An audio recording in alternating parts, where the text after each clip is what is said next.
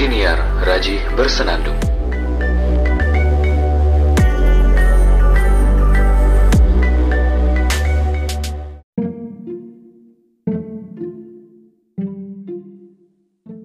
Selamat datang kembali di podcast Raji Bersenandung. Akhirnya bisa nge-podcast lagi setelah beberapa hari yang lalu saya sudah nge-podcast. Tepuk tangan dulu dong. Alhamdulillah banget ya sudah bisa nge-podcast lagi. belepotan ini ngomongnya masih belepotan. Wajar masih latihan. Oke. Saya jujur tidak berharap Anda bisa atau mau mendengarkan episode ini sampai selesai karena saya mau curhat gitu.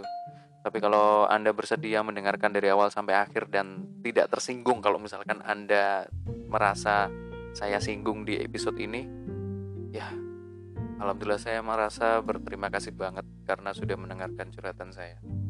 Saya bingung mau curhat di mana ya udah curhat di sini aja. Soalnya paling yang dengerin dikit kok. ya udah yang jelas saya bisa bahagia lah bisa cerita gitu oke okay. dulu Hasan Albana itu bilang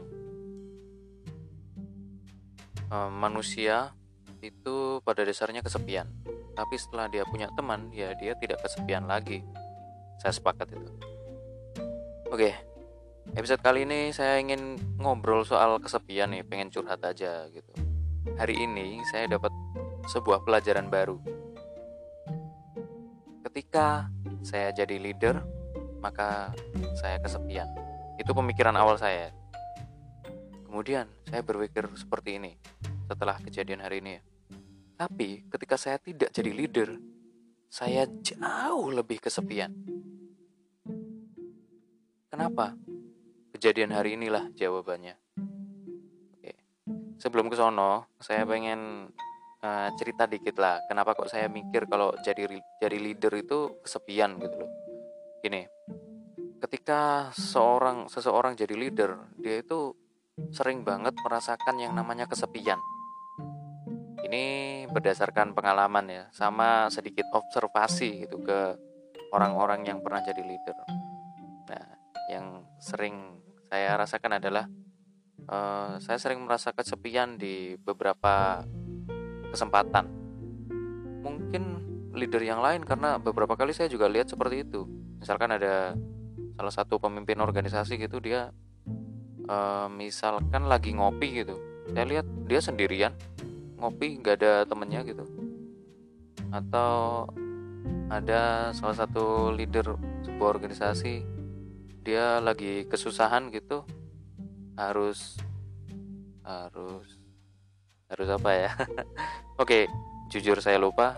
Daripada saya ngawur ceritanya mending gak usah saya ceritain. Yang jelas saya beberapa kali lihat leader organisasi itu uh, benar-benar merasakan kesendirian. Nah kalau berdasarkan pengalaman saya ini nggak tahu benar atau tidak itu tergantung perspektif kawan-kawan sih. Tergantung perspektif para pendengar setiap podcast Raji Bersenandung.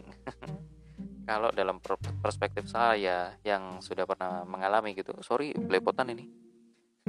Ngomongnya belepotan. Uh, ada tiga hal paling tidak gitu yang membuat seorang leader itu merasa sendiri. Pertama ketika dia berusaha menyepakati uh, berusaha menyusek, menyukseskan salah satu kesepakatan organisasi tapi pengurus dan anggota organisasi itu tidak mendukungnya. Misal, akan mengadakan agenda A. Leader berusaha untuk uh, ngopiak-ngopiak, ngopiak-ngopiak itu apa ya? Ya, mengingatkan, mengkoordinir, mengontrol, mengawal gitu ke pengurus-pengurusnya. Karena pengurus itu dibentuk atas dasar kebutuhan leader gitu kan. Kebutuhan organisasi lebih tepatnya gitu. Tapi kebutuhan leader juga biar leader juga bisa dibantu. Nah tapi uh, pengen mengadakan agenda A gitu tapi ternyata setelah diopia-opia dan di diajak-ajak gitu untuk menyukseskan agenda bersama atau agenda A yang sudah disepakati bersama itu ternyata para pengurusnya dan anggota organisasinya itu malas. ya yang terjadi adalah leader merasa sendirian. Itu pertama.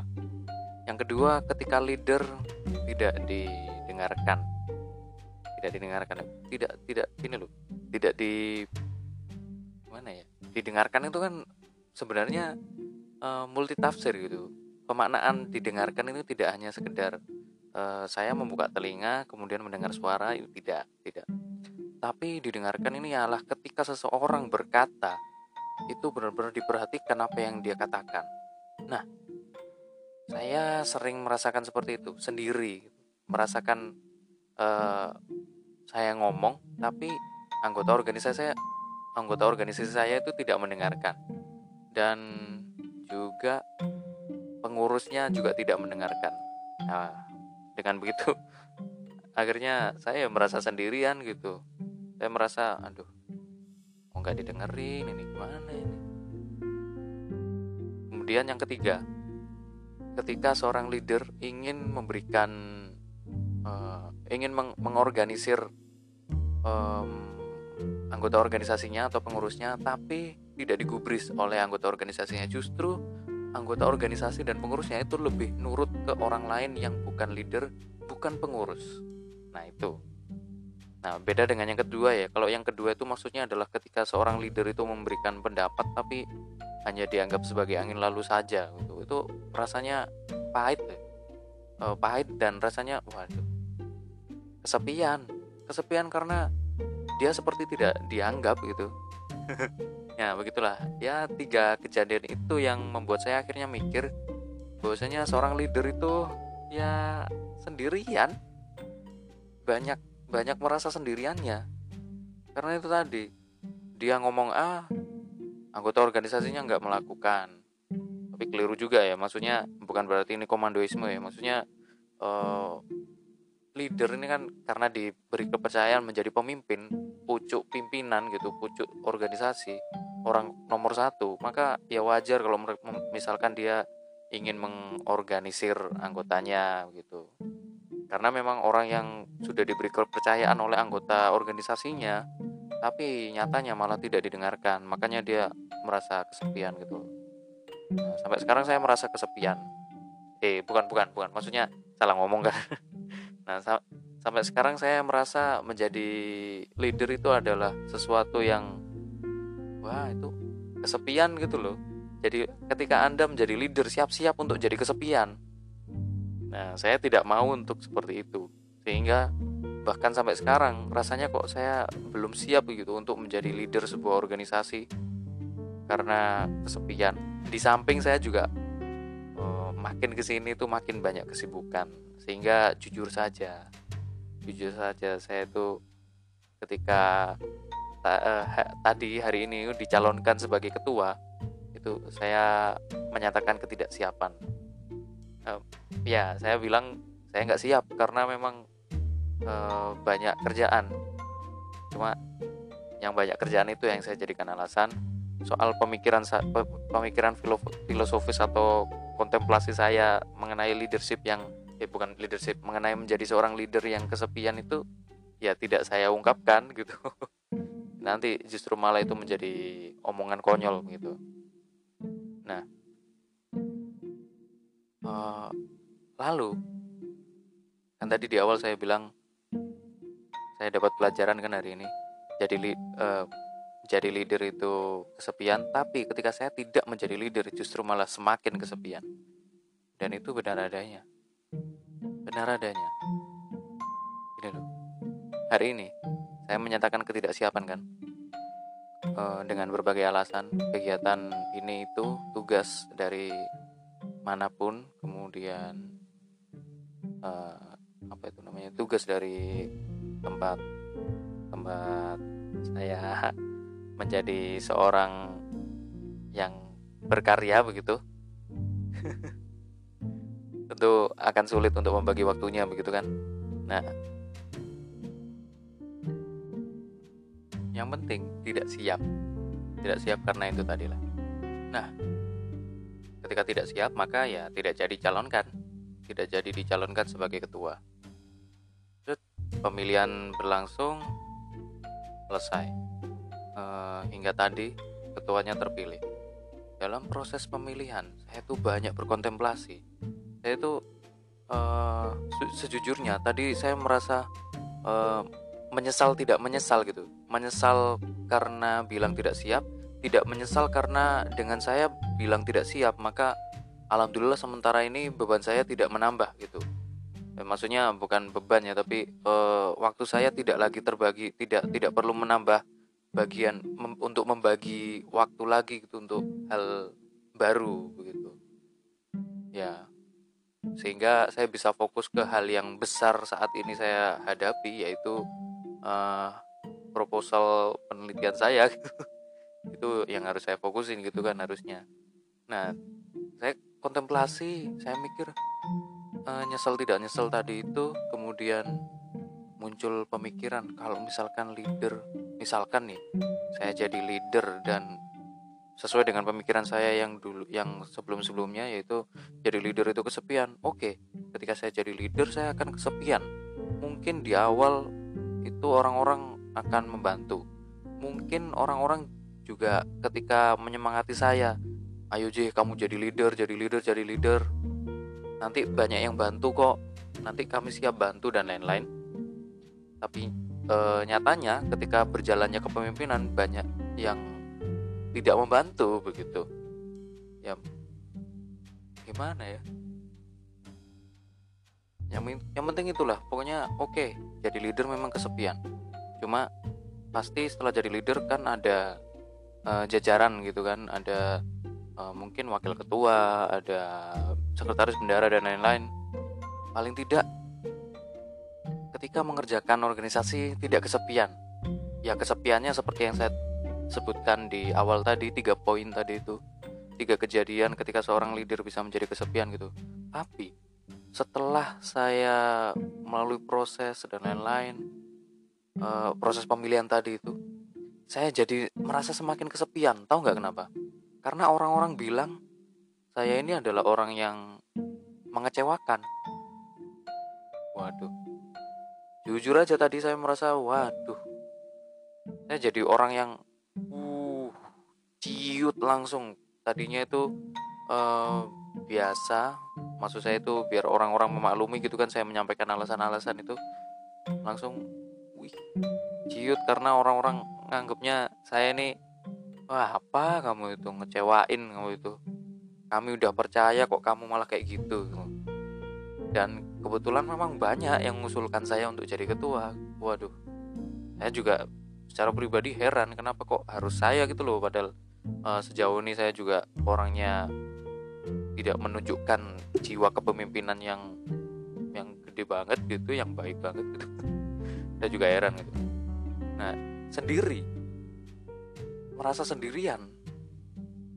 Dan uh, ditambah lagi waktu itu ada kawan saya yang uh, mencoba membantu memberikan alasan gitu bahwasanya Raji itu tidak bisa kayak gini dan lain sebagainya. Lah kok orang-orang anggapnya kawan saya ini adalah jubir saya gitu loh biar saya itu aman ketika pemilihan ketua. Ya Allah. Uh, oke okay, saya tidak bisa menyalahkan orang-orang karena memang um, ya sudah memang sudah sewajarnya mereka berkata seperti itu. Saya juga tidak bisa menyalahkan kawan saya karena kawan saya niatnya membantu karena simpati dengan saya yang bisa saya lakukan hanyalah ya berusaha legowo dengan kondisi yang saya kira mungkin bisa melegakan tapi justru malah um, secara batin itu membuat saya agak sedikit tertekan. Bukan agak sedikit tapi ya lumayan lumayan tadi itu lumayan tertekan. Dan merasakan kesendirian lagi. Nah, kejadian buruknya adalah saya justru malah ngevaluasi kawan saya yang simpati dengan saya tadi itu yang berusaha memberikan uh, itu alasan-alasan tambahan ketika saya memberikan pertimbangan ke ke forum gitu kan. Saya langsung personal chat ke kawan saya.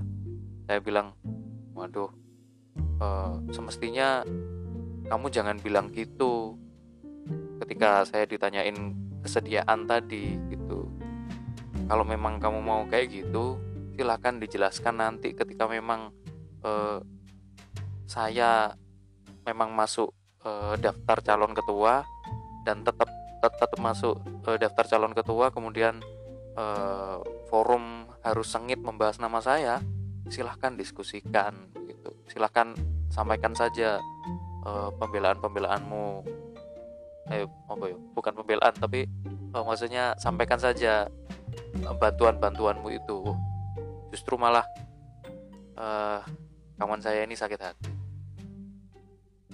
Karena ya itu tadi perlakuan saya tuh kebangetan gitu loh.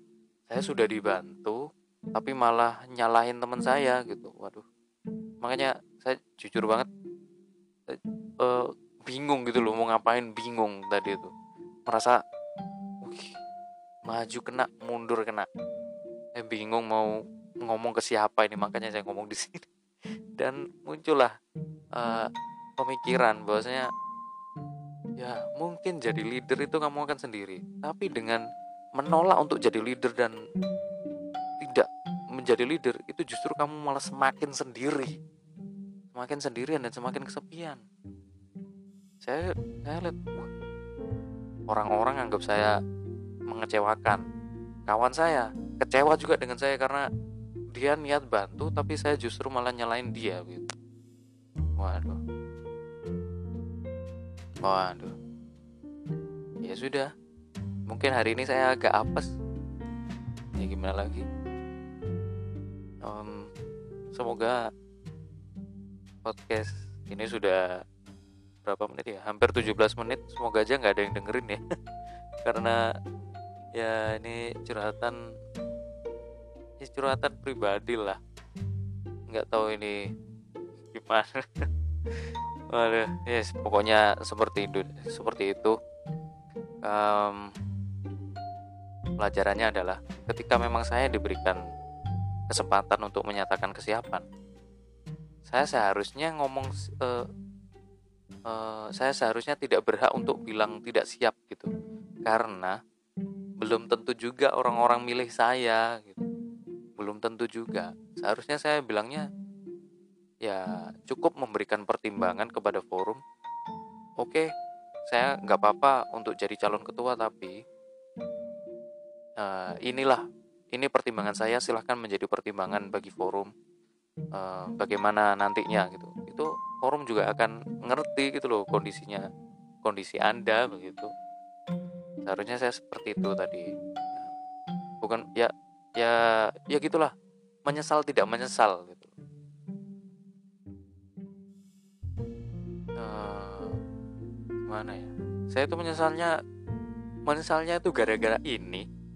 Saya jadi semakin tertekan itu aja. Uh, bingung saya tuh. Ya, ya, ya sudah lah ya ya wis lah. Ya ya sudah. Nggak ada nggak ada nggak ada harapan lain selain hari esok. Ya sudah hari esok saya jalanin aja sebagaimana mestinya. Kalaupun memang saya itu orang yang mengecewakan untuk orang banyak ya saya coba perbaiki agar rasa kecewa itu semakin lama semakin pudar gitu loh. Meskipun memang kalau orang sudah benci dan kecewa itu tidak selamanya eh bukan bukan tidak selamanya maksudnya tidak semudah itu bisa hilang. Kawan saya yang tadi sangat kecewa dengan saya karena dia membantu justru malah saya salahkan ya mungkin dia memaafkan tapi belum tentu dia bisa sepenuhnya memaafkan karena sakit hati. Ya ya terlepas mengenai uh, perihal keorganisasian ya. Ini soal soal bagaimana membalas budi dengan orang lain gitu. Uh, dia sudah membantu saya tapi saya tidak berterima kasih. Itu justru menyakitkan sih. Memang saya akuin itu. Saya akui. Ya sudahlah. Ya gimana lagi gitu. Oke.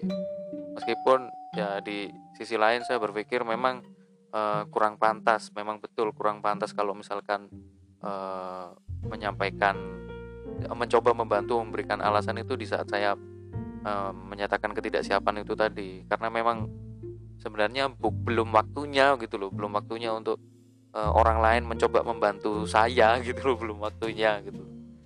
Aduh, ya inilah ini dinamika organisasi seperti ini. Dan uh, ya gimana lagi saya saya pribadi juga uh, ya yes, pokoknya serba salah wis serba salah sudah. Serba salah serba salah. Yang bisa saya lakukan setelah ini uh, tentu akan meminta maaf ke kawan saya.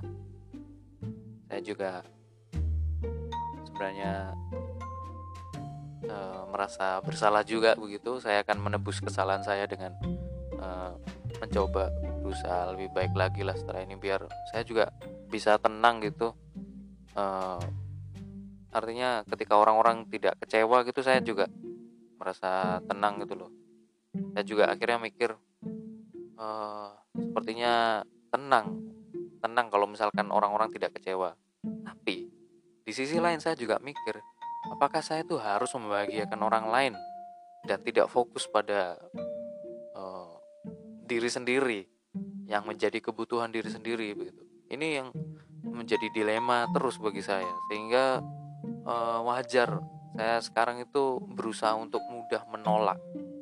Uh, artinya kalau misalkan sesuatu itu tidak sesuai dengan timing saya uh, jadwal saya kemampuan saya ya sudah. Saya harus berani bilang untuk tidak gitu. Cuma um, masih belajar karena masih sering berkata ya ya aja daripada berani untuk ngomong tidak. Ya begitu. Alhasil ya lumayan keteteran tapi tidak seketeteran dulu. Uh dulu tuh parah banget. Serba ngomong iya aku itu. C ayo gini yuk. Ya C jangan lupa gini ya. Iya. C uh, kamu kerjain ini ya. Ya ya ya ya alhasil apa? Saya jadi orang yang serba bisa.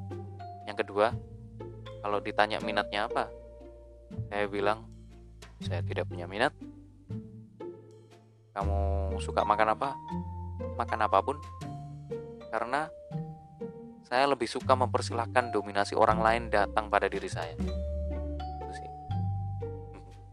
ya hidup ini penuh dilema tapi agar tidak dilema ya memilih meskipun pahit. Hari ini saya merasakan itu. Pahit. Pahit. Bukan soal jabatan ketuanya. Tertekannya itu loh. Saya tuh, wih.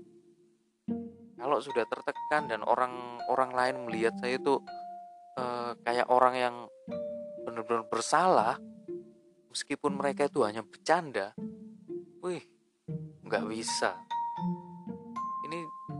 Jiwa ini merasa ciut. Kalau sudah ciut itu rasanya oh, I'm alone in this world. Gila. Wah. Eh. oke okay, tapi ya perasaan seperti ini mungkin uh, sekarang sedang membara-membaranya ya. Lama kelamaan saya akan mungkin terbiasa terbiasa dan terbiasa meskipun mungkin juga akan tetap terpatri di kepala. Tapi ya kalau sudah dijalani ya biasa saja. Biasa biasa bisa mengendalikan emosi bisa mengendalikan uh, diri juga dan pemikiran dan mungkin pola pikir ya. Uh, karena aktivitas saya yang melibatkan diri saya sendiri keputusan diri sendiri itu juga sangat banyak gitu khususnya dalam studi karena studi saya kan by research dan research itu belajar sendiri begitu. Sehingga apa pun saya lakukan sendiri ini sendiri itu sendiri uh, buku juga harus meraba-raba sendiri. Oke sudah 23 menit lebih hampir 24 terima kasih karena telah mendengarkan sampai akhir. Hmm, semoga hari anda menyenangkan hari kita semakin menyenangkan. Terima kasih dan sampai jumpa di episode berikutnya.